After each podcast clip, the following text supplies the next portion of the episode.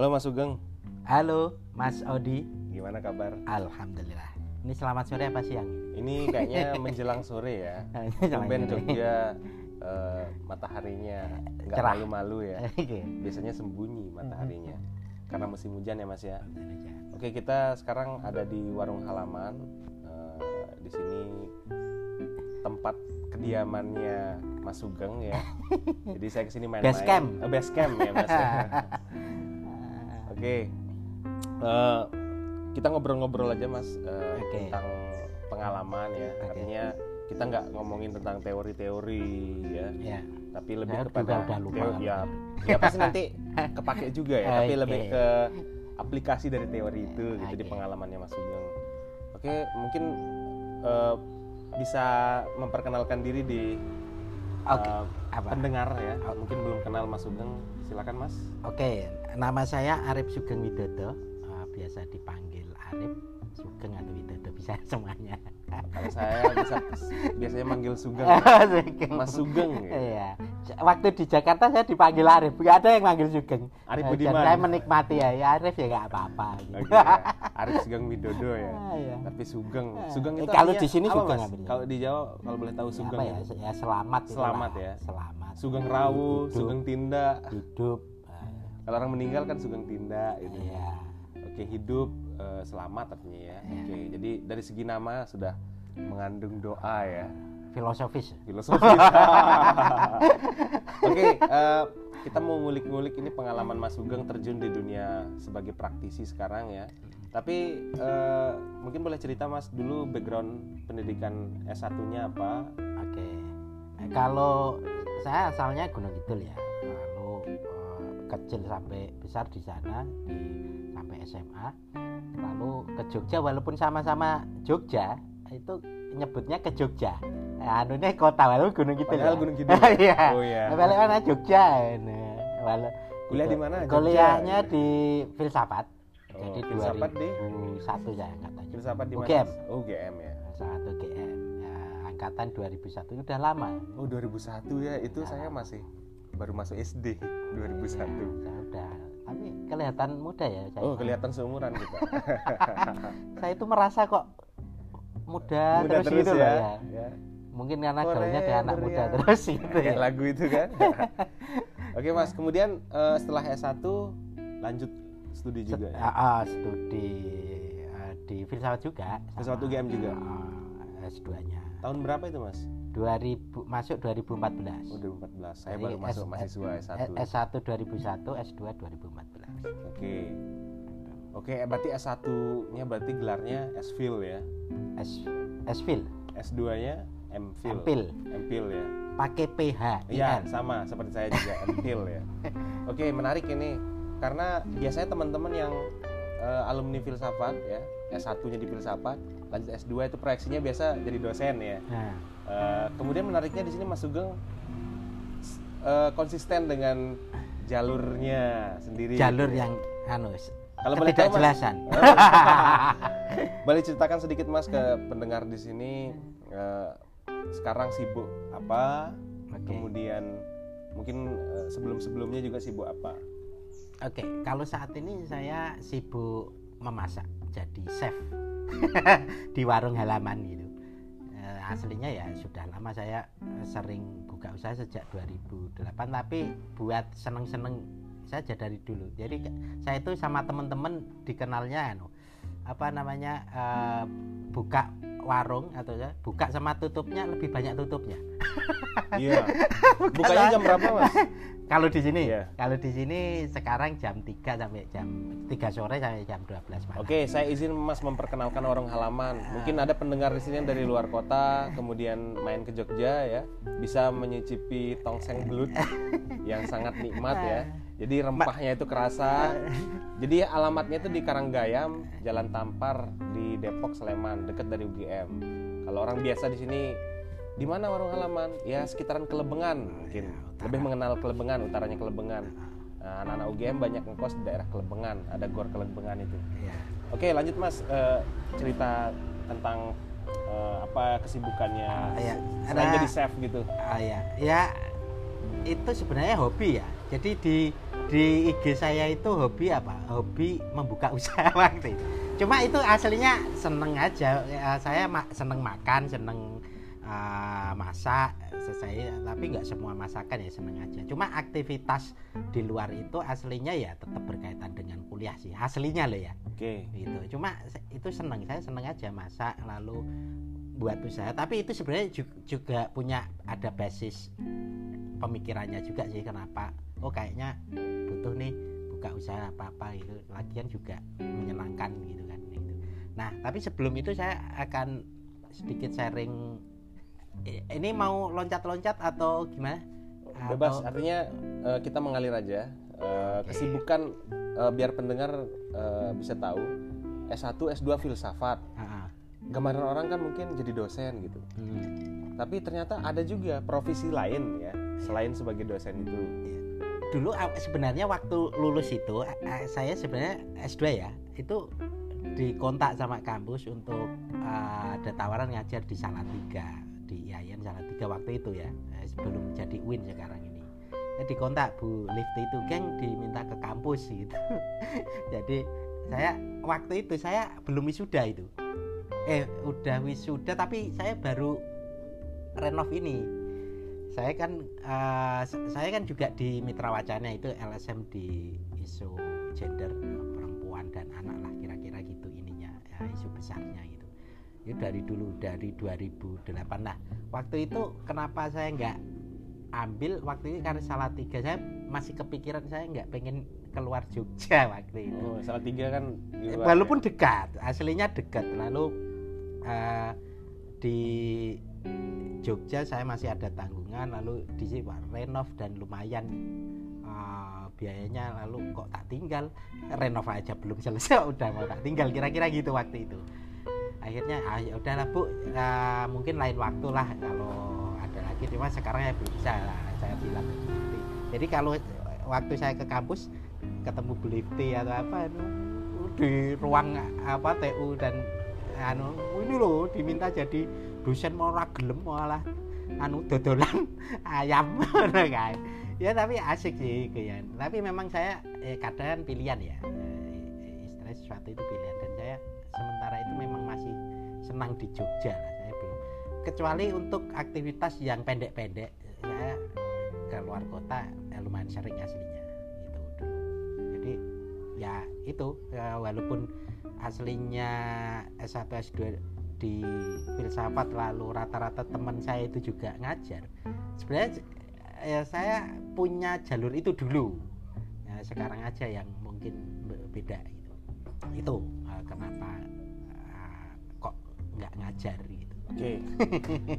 uh, ini mungkin kita uh, ke pertanyaan yang paling sering diterima sama anak-anak filsafat biasanya kan filsafat bagaimana mengkaitkan teori-teori yang dia peroleh dari kuliah Aha. dengan kerja sosial misalnya social work e, menjadi bagian dari tadi ya mitra wacana menarik sekali itu fokusnya di isu, isu, gender. gender dan anak ya. Nah, itu bagaimana mengkaitkan antara teori yang diperoleh di kelas selama kuliah filsafat dengan kerja sosial semacam itu, Mas? Ya ya sebenarnya teman-teman uh, di filsafat itu banyak ya di apa di dunia LSM di NGO itu banyak lah mereka teman-teman itu di luar saya. Saya ketemu beberapa juga yang senior sama beberapa yang uh, muda yang lebih belakangan masuk juga banyak yang terlibat di apa gerakan gerakan-gerakan sosial gerakan perempuan itu banyak. Dan itu basisnya ya ideologis gitu jadi basis teorinya sebenarnya kalau dikaitkan ada nggak? Ya ada, pasti ada. Apakah itu ada hubungan dengan filsafat? Eh, sangat berhubungan gitu kira-kira.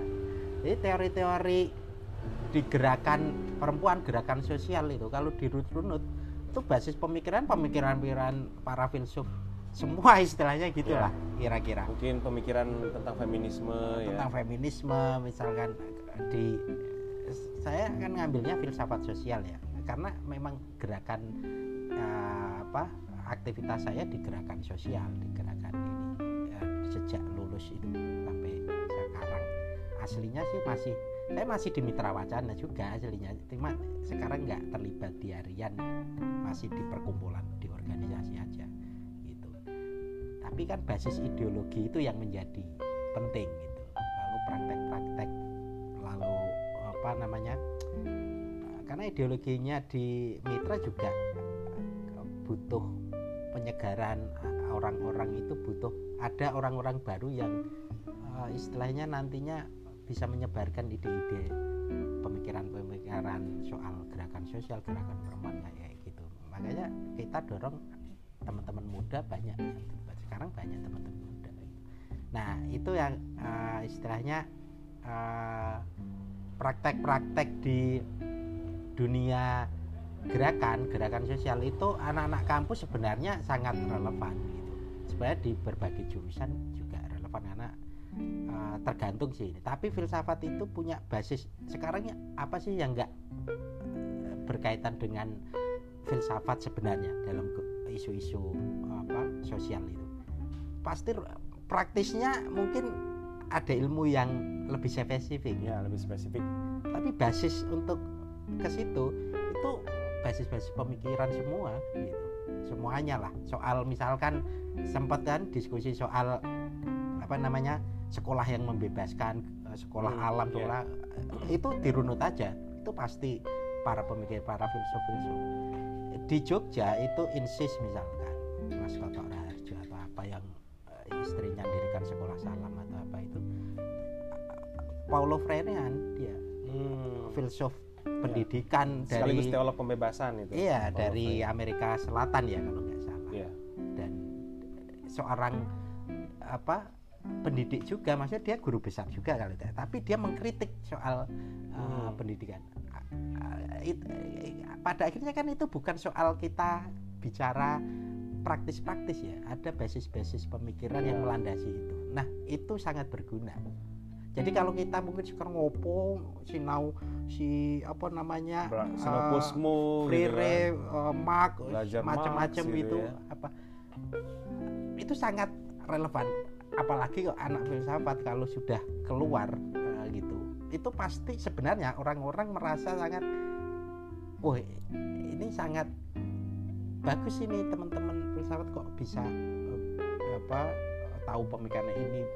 Kuat ininya basis logiknya itu. Karena mestinya udah terlatih di situ ya soal soal basis pemikirannya. Cuma praktisnya juga mengungkapkan ide itu seperti apa.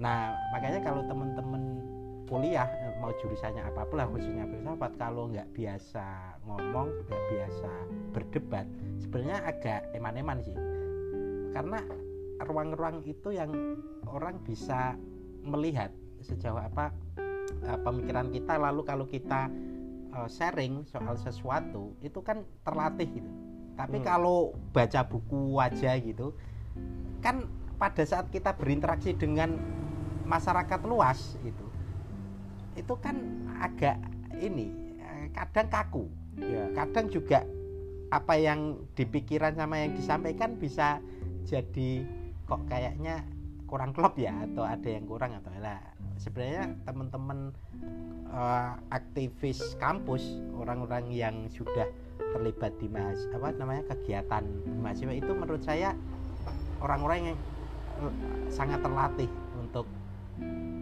kalau terjun di masyarakat dia nggak gagap gitu. dia punya basis pemikiran yang kuat baca-baca tapi dia uh, terlatih berorganisasi berlatih berdebat berlatih untuk dicaci maki. Itu penting sebenarnya. Orang orang kalau nggak terbiasa dicaci maki dalam artian waktu debat itu nggak biasa misalkan disampaikan pikirannya mungkin shock dia pas di, di masyarakat ada orang yang berpikiran diserang you know, mungkin dia menjadi sangat emosional. Padahal sebenarnya ya tenang-tenang aja. Dia harus sebenarnya udah terlatih sejak secara mental. Nah kayak kayak gitu menurut saya di filsafat itu dulu saya merasa ruangnya terfasilitasi walaupun mungkin tidak semuanya di kampus tapi uh, forum-forum informalnya itu cukup membantu kira-kira itu. Oke ini sekaligus ya untuk pendengar yang eh, mungkin masih bingung masih gamang kuliah filsafat itu bisa apa sih gitu kan memang kalau di kampus kita tidak diarahkan misalnya ke vokasional ya. Ya. artinya kita dilatih untuk kamu siap nih jadi pegawai bank jadi HRD jadi apa? Tapi kira-kira ini mas eh, saya minta komentarnya mas Sugeng ada jargon semacam ini. Di filsafat itu kita tidak diajar untuk jadi apa tapi diajar untuk jadi apa aja. Misalnya ini salah satunya ya. Ya. kira-kira gimana mas komentar mas Sugeng tentang jargon itu? Ya itu memang sebenarnya dari dulu sih dan sebenarnya lebih karena dalam konteks formalnya mungkin di awal-awal dalam tanda kutip keterpaksaan. Keterpaksaan karena memang faktualnya dulu beberapa istilahnya pekerjaan itu mungkin nama filsafat nggak ada pas Iya, ini iya. kayak gitu itu kan menjadi Hmm. aneh gitu paling ya untuk anak-anak filsafat itu maksudnya yang semua jurusan semua jurusan atau apa gitu. Jadi walaupun sebenarnya kalau ruang itu dibuka, toh buktinya masuk-masuk aja. Iya, dan bisa Dan kerja mereka- juga ya. Bukan eh, bisa kerja juga, mereka bisa bersaing Iya, iya. dan posisinya bisa sangat bagus Iya. gitu. Dan Teman-teman yang di bank kalau kita apa tengok itu- kan seperti di filsafat UGM itu sempat bikin webinar ya. Ah, Webinar tentang eh, ya alumni-alumni filsafat yang sekarang menduduki tempat strategis di Iya. perusahaan, misalnya di BUMN. ya. Seperti eh, di Bukopin itu pernah ada Iya. alumni kita meskipun S1-nya di filsafat tapi S2-nya mungkin di manajemen ya. Ya. Tapi setidaknya secara basis pengetahuan itu ya filsafat itu berkontribusi besar untuk pemikiran orang itu gitu. Iya, sebenarnya nah, ini soal praktis ya, soal pekerjaan macam ini itu menurut saya lebih karena kalau ruangnya dibuka, teman-teman itu oh, berani bersaing kok. Soal pada saat mereka masuk ternyata ya bagus-bagus aja, gitu loh kira-kira. Iya. Masalahnya ini yang marah ke orang agak marah, agak anyel itu mau masuk aja administrasinya udah tersingkir itu loh. Iya ya. itu sing belum belum bikin- berperang sudah Oh, disingkirkan iya, ya. Itu yang istilahnya agak Ya, memang bikin panas Itu plus minusnya kalau ada seleksi administrasi yang terlalu ketat masalah jurusan ya. Ya tapi mungkin ada juga maksudnya orang menyeleksi itu ya supaya Ya. tidak capek-capek lagi men- menyaring gitu. Oke, kemudian Mas, misalnya eh, karena Mas Sugeng dari tamat S1 itu sudah bergelut di praktisi ya sebagai praktisi, ya. eh, pernah di sekarang di Mitra Wacana. Nah, kira-kira mungkin ada nggak eh, gambaran atau ya saran mungkin ya Hmm. bagi institusi pendidikan, terutama misalnya kampus-kampus yang mengajarkan ada prodi filsafat gitu, Ya. supaya eh, mahasiswanya itu nggak kelabakan, nggak gagap ketika turun di dunia kerja. Artinya setelah tamat S1 tuh nggak bingung lagi. Jangan sampai nanti apa pekerjaan mereka itu pekerjaan yang sangat teknikal dan nggak kepake ilmunya selama kuliah misalnya. Kira-kira ada nggak Mas saran? Saya di Mitra Wacana itu ngurusi teman-teman volunteer. Itu uh, volunteer kerja, volunteer magang sama volunteer kuliah. Jadi itu dari dalam negeri sama luar negeri. Hampir semua benua pernah ada yang magang di Mitra Wacana. Ya. Dan kebetulan saya yang yang ngurusi. Jadi teman-teman dari Amerika, dari Afrika, Australia, Cina, dari Eropa.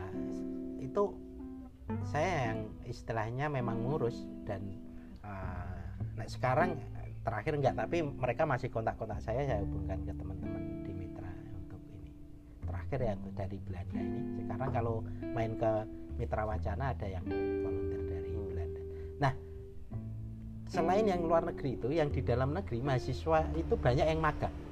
Waktu saya sih saya nggak membatasi. Orang kalau pengen magang di mitra gitu saya nggak membatasi jumlahnya. Kamu mau magang berapa orang saya persilakan aja. Karena apa? Itu proses belajar.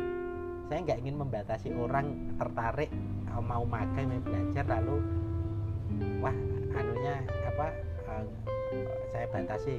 Saya memang waktu itu saya nggak membatasi itu karena ini kesempatan mitra mendeliver meng-share soal isu-isu gender gitu.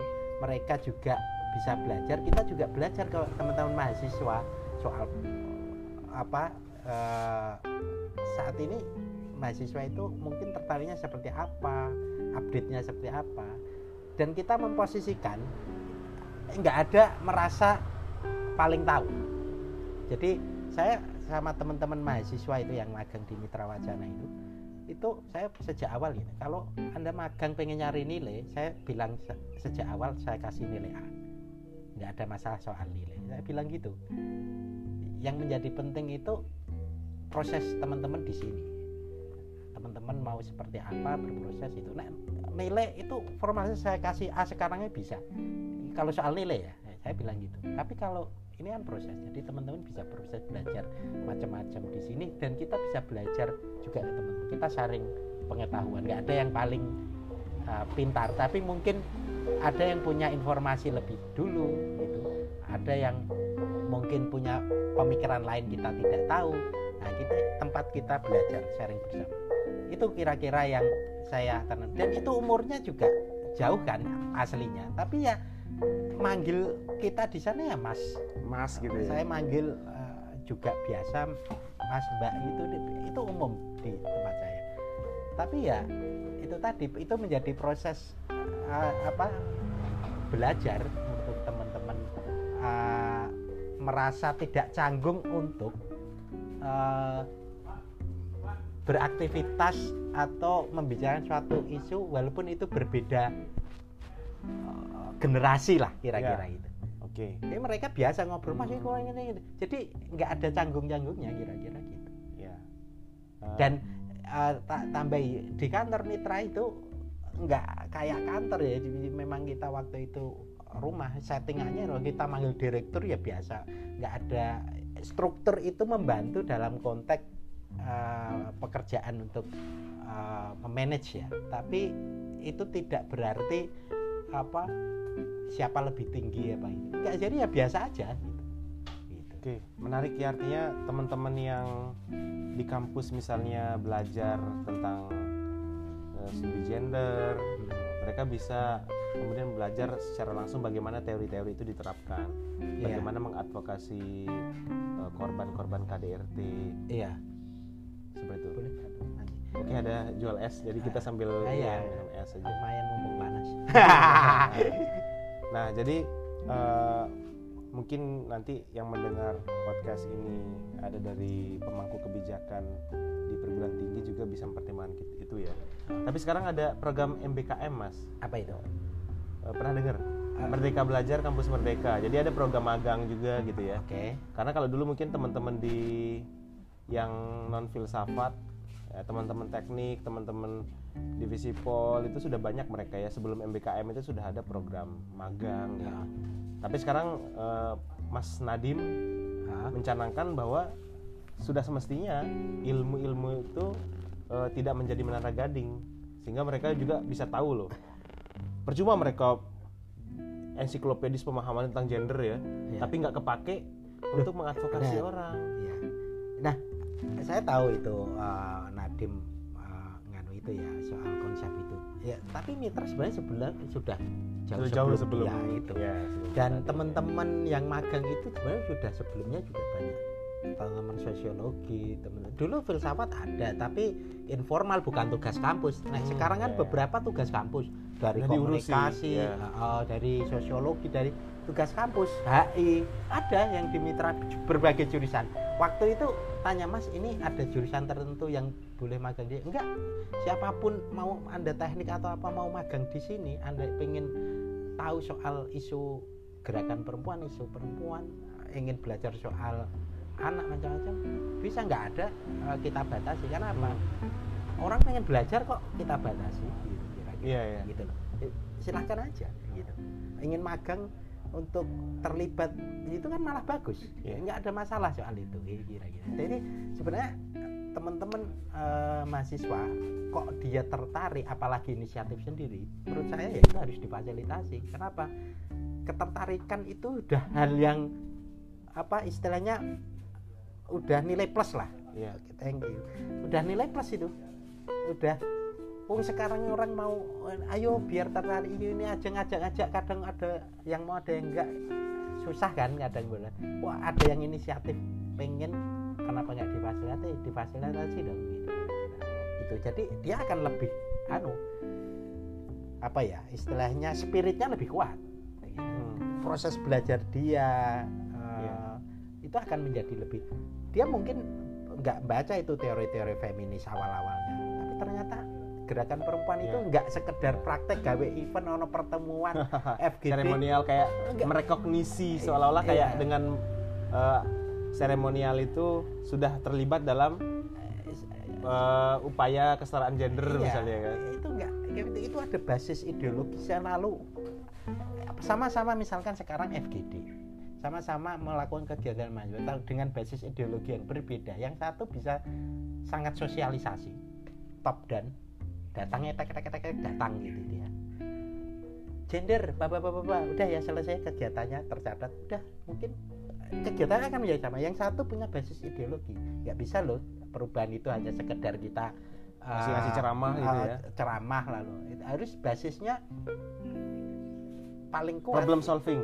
Ya, problem solving. Tapi paling kuat itu basisnya grassroots. Inisiatif partisipasi hal-hal kayak gitu orang-orang yang tidak belajar eh, di konteks-konteks basis ideologis gerakan sosial mungkin nggak connect. Eh, pikirannya io gawe Hmm, nih ya, kegiatan. event organizer. Sama-sama ketoknya kegiatannya sama beda hasilnya Oh, beda, beda, ininya spiritnya. Yang satu ini nggak bisa kita ngadain kegiatan sama-sama FGD sama-sama seminar tapi kalau kita ngadain itu top down kita datang seperti Superman NGO ak- aktivisnya datang Iya. tek- nggak bisa kita merasa orang yang paling tahu eh Iya. nggak bisa yang harus kita lakukan adalah ya Hmm. itu kenapa ada or- pengorganisasian ideologinya itu adalah ya perubahan itu nggak bisa sekedar orang-orang luar datang bla bla bla bla bla. Ya teman-teman yang di sana yang sendiri. berkecimpung di sana ya Iya. grassroots tadi ya. Grassroots itu tadi lalu kita berproses bareng. Lalu ide-ide itu ya digali dari mereka. Persoalan itu seperti apa? Ya dari mereka. Dia akan dia yang tahu situasinya dia tahu persoalannya seperti apa termasuk nanti problem saya akan seperti apa. Walaupun mungkin pengkayaan informasi bisa dari banyak pihak termasuk dari teman-teman aktivisnya dari dinas dari macam-macam. Nah, ini dari mereka sendiri juga ada. Itu orang kalau nggak biasa di basis-basis dunia gerakan pengorganisasian itu ya sepertinya ono aktivitas ya IO gitu. Iyo ya jatuhnya ya. Jadi sosialisasi oh ini ya udah sepertinya Habis dunia sudah selesai gitu. padahal nggak bisa gitu. makanya basis teman-teman saya pengorganisasian di masyarakat itu sangat kuat ada pendamping masyarakatnya. Bukan dalam posisi dia menjadi lebih super superior dalam arti oh dia merasa lebih tahu enggak.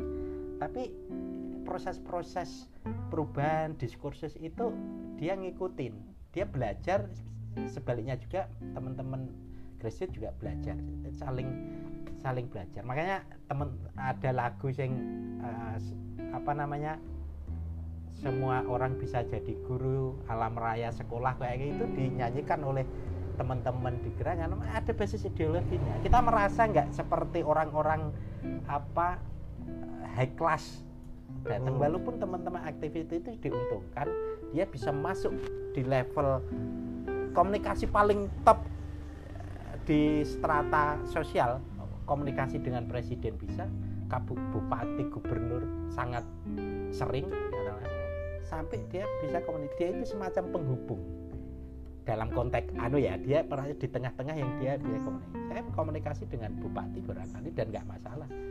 Saya masuk ke level grassroots seperti masakan kebanyakan juga aman-aman aja nggak ada masalah jadi saya merasa juga sampai saat ini saya nggak terlalu merasa mungkin karena saya belajar dari teman-teman di gerakan soal gaya hidup yang merasa ya apalagi dulu di filsafat terus wong kuliah do sandal jepitan.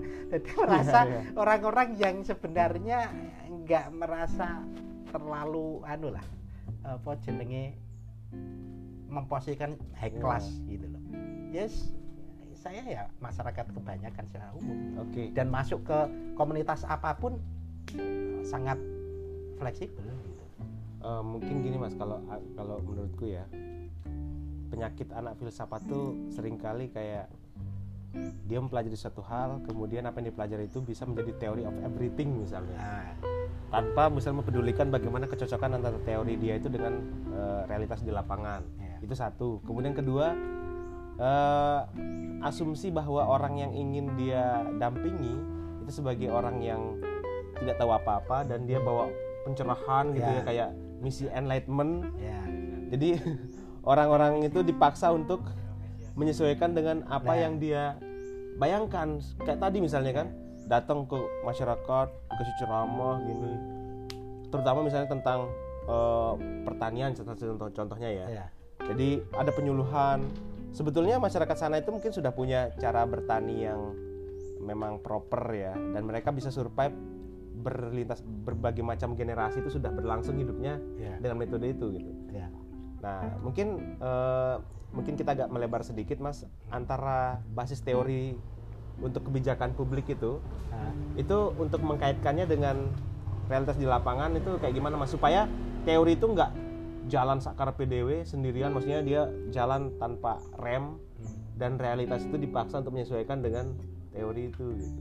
ya sebenarnya saling sinkron ya walaupun mungkin ada teori kan juga tetap ada kritiknya ada kelemahan-kelemahannya tapi juga ada oh ya substansi benarnya ada yang gini ada tapi saya ambil contoh salah satu contoh ya level pemikiran kebijakan sampai di grassroots itu uh, istilahnya berkaitan. Ini soal soal KDRT misalnya Hmm. yang mungkin juga baru rame kemarin.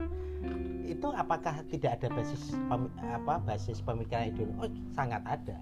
Di teori-teori feminis apa itu basisnya soal patriarki soal adil gender apa itu teorinya banyak. Di, banyak kritik banyak diskursus di situ. Lalu dia akan muncul setelah itu diskursus banyak ya katakanlah ya. Lalu sampai ada sebuah kesempatan dorongan sampai di policy.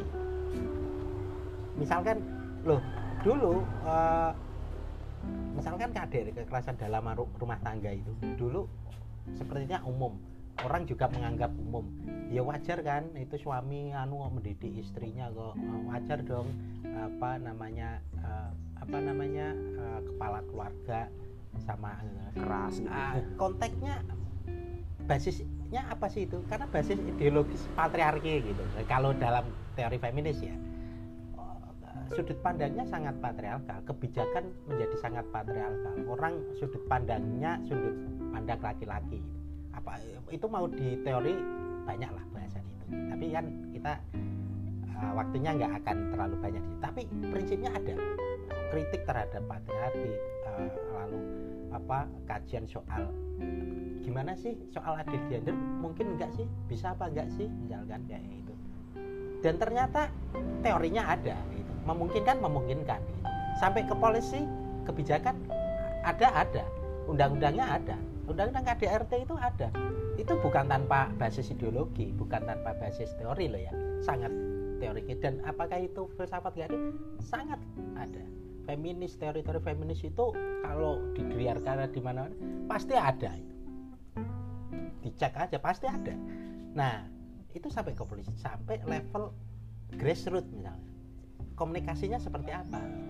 Ya, nah kalau di level grassroots ah, kita bicara tadi orang merasa sudah baca banyak teori banyak pemikiran banyak tokoh lalu datang-datang dia ini loh mestinya kalau teori ini mestinya gini gini gini gitu. nah itu kalau nggak terbiasa ya itu menjadi top down orang merasa walaupun sebenarnya pemikirannya bagus loh ya mestinya tapi karena terbiasa menjadi orang yang paling tahu gitu, Mhm. Menjadi beda nanti tanggapannya dan orang kalau nggak terbiasa di masyarakat juga agak repot merasa digurui itu men- menjadi Itu tidak enak yang Nah. kurang tepat ya. Kurang tepat. Nah, kayak kayak gitu kan butuh juga mas teman-teman mahasiswa itu di anu lah di di mungkin aku nggak tahu dosen atau apa ada nggak eh, kontak diajari kontak di ini diskursus membicarakan itu eh, ada nggak itu karena itu menjadi penting. Kemudian mereka ada program KKN macam-macam ya. Apalagi itu tadi ada magang macam-macam. Proses-proses itu menjadi penting karena banyak kasus juga orang salah ngomong. Akhirnya ditolak eh, masyarakat. Karena lalu mereka nggak tahu timing yang tepat. Asal bicara berdua padahal ya walaupun mungkin benar tapi timingnya dia nggak bisa melihat situasi eh, waktu itu oh ini katanya belum? Eh, dibicara aja ini karena ini nggak tepat ini. Kalau tak bicarakan malah blunder misalkan. Nah kayak gitu kan bisa jadi uh, istilahnya kok butuh kepekaan. Orang-orang berorganisasi menurut saya terlatih untuk itu. Oke. nah itu yang menurut saya teman-teman mahasiswa itu ya selain be- belajar teori menurut saya kok belajar berorganisasi. Karena apa? Mereka akan berinteraksi dengan banyak orang dan berinteraksi dengan banyak orang itu eh, ada yang suka ada yang tidak gitu Oke, ini kita dat- ada Mas Lingga juga di sini. Halo Mas, gimana kabar Mas? Sering main ke sini Mas. Sering, Ketemu Mas Lingga juga kita di sini ya. Eh Mas kita ngobrol-ngobrol Mas. Eh, Gitu. gimana Mas Lima sehat ini Saya ini Mas, apa eh, ingin menggali pengalaman Mas Sugeng. Karena kan kalau filsafat itu terkesannya jadi dosen gitu, kemudian baca buku, jarang terjun ke lapangan gitu ya. Eh, ini kita bisa gali Mas di Mas Sugeng Ya. gimana pengalamannya. Mungkin Mas Lingga eh, bisa nyambung juga sih kita ngobrol-ngobrol di sini eh, terkait dengan bagaimana mengkonekkan pengetahuan filsafat dengan eh, praktik di lapangan dan dengan masyarakat lah. Bagaimana kita mempelajari filsafat sehingga bisa berkontribusi untuk masyarakat gitu. Oh iya iya. Kadang-kadang mungkin di filsafat mungkin kan eh, orang-orang kan belajarnya teori gitu kan mas ya. Kebanyakan teori, kemudian belajar juga tentang peristiwa, fenomena, belajar juga, tapi tidak mengalami, jarang mengalami fenomena yang didiskusikan itu misalnya. Misalnya dia kita belajar filsafat Heidegger ataupun kita belajar filsafat Heidegger ataupun eh, Sartre gitu kan kita tidak mengalami apa yang dialami Sartre pada saat itu. Kan anak gitu kan. Nah ketika kemudian kita menggunakan filsafat Sartre ataupun Heidegger dan sebagainya ke dalam komunitas kita ataupun dalam lingkungan hidup kita misalnya di pos ronda dan sebagainya itu kan tidak serta merta semua bahasa Sartre yang kita jiplak kemudian kita kasih ke pos ronda. Dan harus Tapi- bilang ini teorinya Sartre, iya dan harus bilang bahwa menurut teori Sartre itu kan menjadi satu hal yang lucu ketika itu dan bakal jangkriknya kan banyak di situ. nah, itulah ke- tapi ketika itu dikemas lagi-lagi cara pengemasan Hmm. eh, yang telah kita pelajari ke dalam pos ronda bicara Sartre tapi dengan tidak mengungkapkan saat itu adalah Sartre dan tidak menjelaskan istilah-istilah yang bikin jelimet jelimet dan sebagainya. gitu kan. Iya, itu menjadi satu tantangan bagi orang itu sendiri. Nah, Ya. Mas Sugeng apakah punya tantang apa eh, pernah mendapat tantangan itu yang kemudian eh, pada akhirnya merubah cara komunikasi dari orang filsafat yang dulunya teoretik yang terlalu bergerak Iya. dengan buku istilah-istilah buku dan sebagainya itu kita terjemahin ke dalam masyarakat itu cara paling gampang menurut Mas Sugeng itu seperti apa itu kan jadi menarik sebenarnya. ya karena sebenarnya te- teori itu kan ah, apa ya dia juga sebenarnya mestinya nggak lepas juga dari ah, ruang-ruang nyata kan aslinya juga. Dua nyata dalam artian kalau ilmu-ilmu sosial ya ruang-ruang kehidupan keseharian kita gitu. Walaupun mungkin nggak ketemu langsung tapi maksudnya gini sekarang kita bicara soal pendidikan misal isu-isu pendidikan misalkan. Isu-isu pendidikan itu kan juga nggak selesai-selesai gitu. Tapi basis teorinya apakah ada filsuf pendidikan ada? Banyak gitu kira-kira. Lalu apakah itu bisa menjawab eh, apa problem pendidikan problem Mas, pendidikan minum. di Minum dulu. Oh, enggak.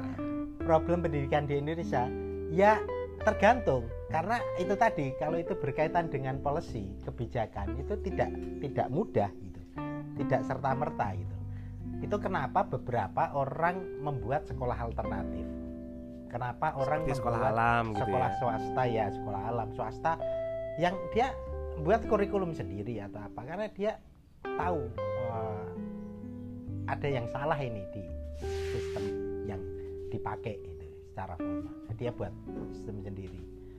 Tapi ya itu tadi problemnya menjadi sangat anu lah itu panjang lah ininya diskursusnya. Tapi membicarakan itu itu mestinya juga tugasnya filsafat teman-teman yang belajar filsafat tokoh-tokoh itu pemikir-pemikir itu dia tidak lepas dari kehidupan nyata di zaman dia kan?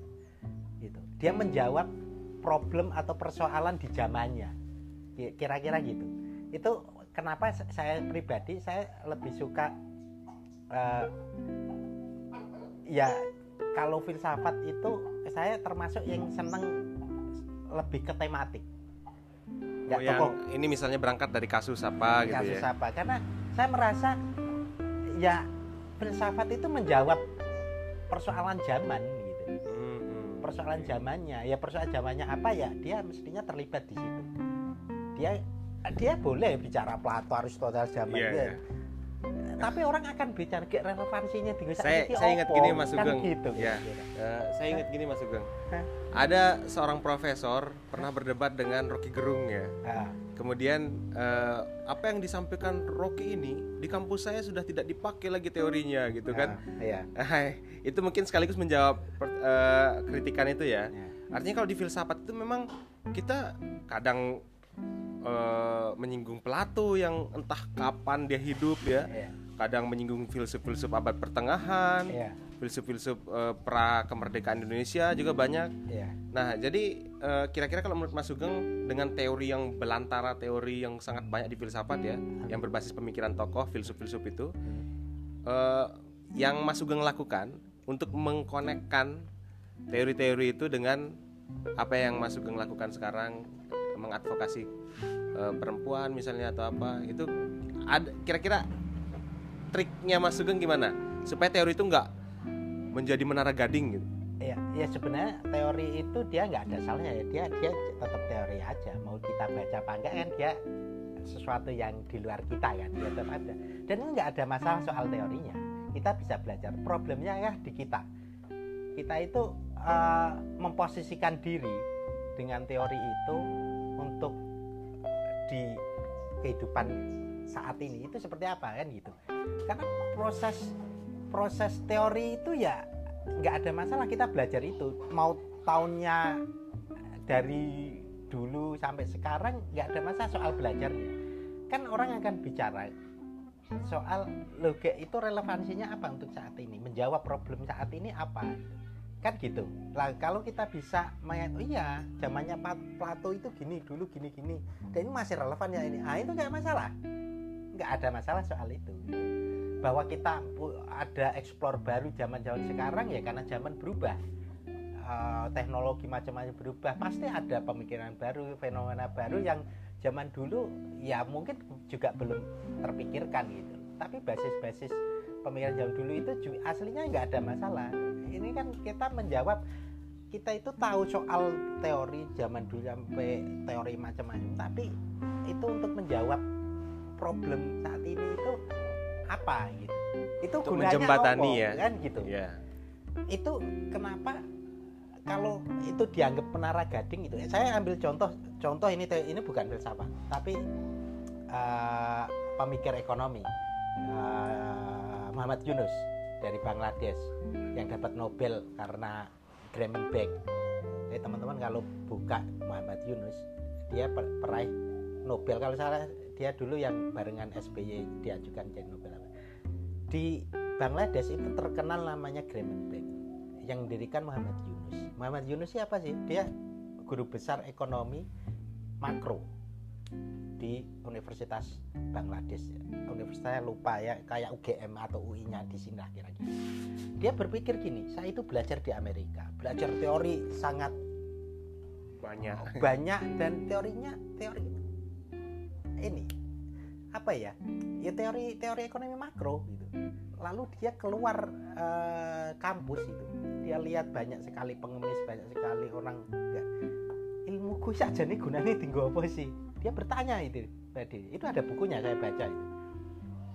Lalu dia merasa kok ilmu kok orang gunane? Ya, belajar soal banyak teori ekonomi saya terlibat di seminar internasional macam-macam kayak gunanya apa? Ilmu saya itu aslinya gunanya apa? Kira-kira gitu. Kalau tidak bisa menjawab saya keluar kampus tidak bisa menjawab persoalan ekonomi orang sekitar ini. Kira-kira gitu. Dan itu pemikiran itu itu pemikiran filosofis. Jadi dia merasa ada suatu anu gap antara teori dengan praktek. Nah itu dia ingin mencapai makanya muncullah Greenman Bank. Itu ada dari gender? Ada. Greenman Bank itu terkenal dengan kredit uh, anu tanggung renteng yang itu di uh, ambil apa nasabahnya itu teman-teman perempuan. Dia waktu itu uji coba ya, laki-laki ternyata yang tanggung jawabnya gede dan praktek untuk mengembalikan uh, rutin apa namanya konsisten dan enggak istilah mangkrak itu istilahnya kredit macet itu yang perempuan. Dan itu jalan. Uh, jadi sistem sistem tanggung renteng itu kira-kira gini basisnya kelompok. Jadi nih kamu ada 10 orang. Mereka ini basis ideologi lagi. Ideologi kuat. Bank itu sekarang kalau dicek yang bisa meng ya mungkin sekarang sedikit bergeser. Dulu siapa sih yang bisa pinjem bank? Orang miskin bisa.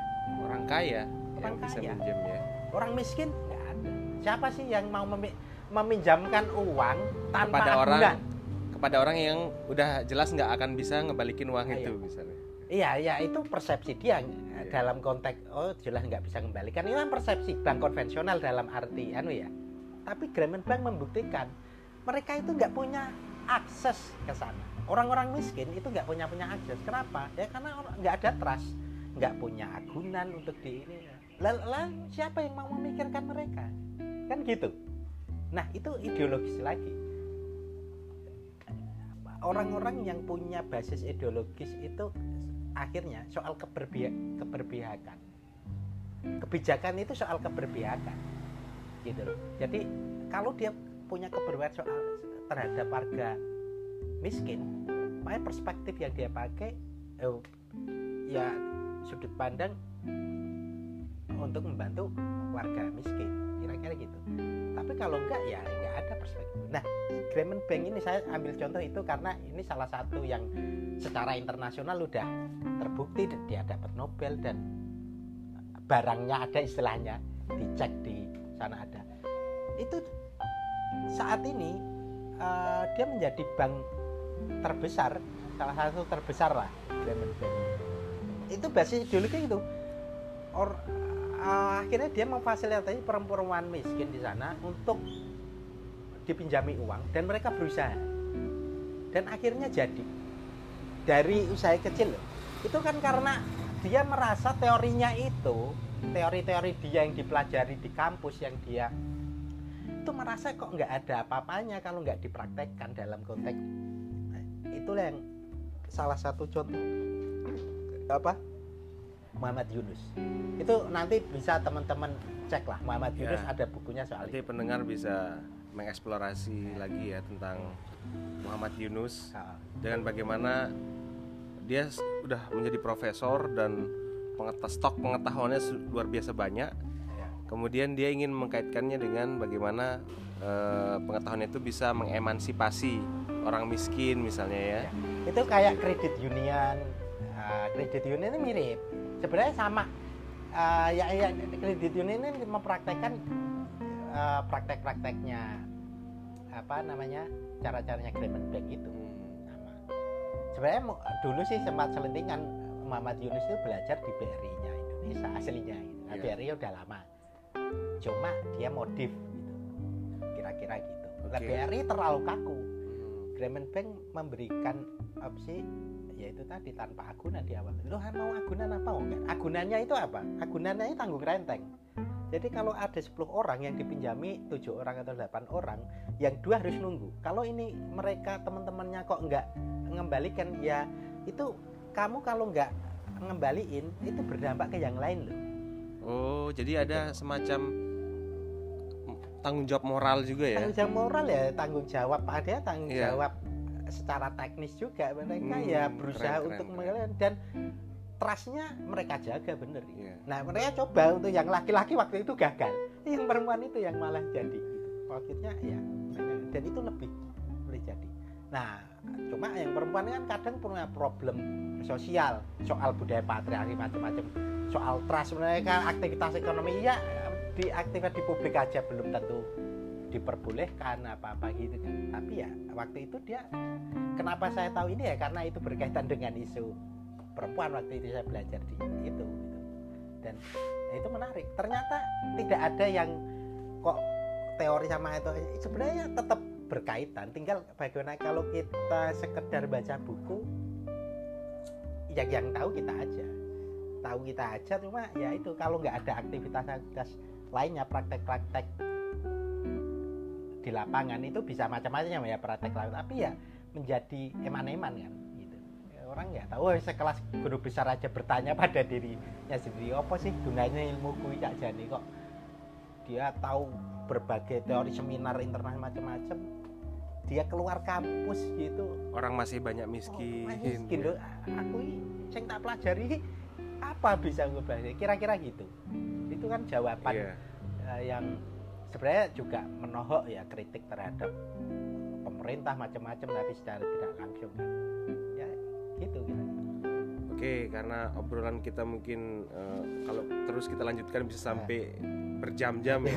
Eh, mungkin untuk ini Mas eh, testimoni yang tadi sudah panjang. eh, Kira-kira apa yang mau Mas Sugeng sampaikan kepada teman-teman yang baru masuk atau berminat masuk filsafat atau sedang proses kelulusan S1 filsafat gitu ya. Eh, saran dari Mas Sugeng sebagai orang yang lebih dulu melalui itu dan kemudian berkecimpung di dalam bidang yang sangat praktikal ya. Kira-kira gimana Mas eh, untuk closingnya ini podcast Nek, kita? saya sih tidak ada masalah dengan filsafat macam-macam ya. Orang kan dulu oh filsafat pelajar apa? Teori itu toh faktanya dia dipakai di berbagai banyak ilmu yang lain juga. Teori-teori. Dan tidak ada masalah sama-sama dipakai. Nah, istilahnya kalau teman-teman itu kan kalau ingin mengasah ah, kuliah itu ingin mengasah pengetahuan itu menurut saya ya tidak sekedar membaca buku dia harus praktek-praktek interaksi pemikiran itu harus diuji pada saat interaksi dengan orang lain. Entah itu debat entah, entah di organisasi lewat membahas ADRT visi misi. Karena itu yang eh, terlihat itu di situ.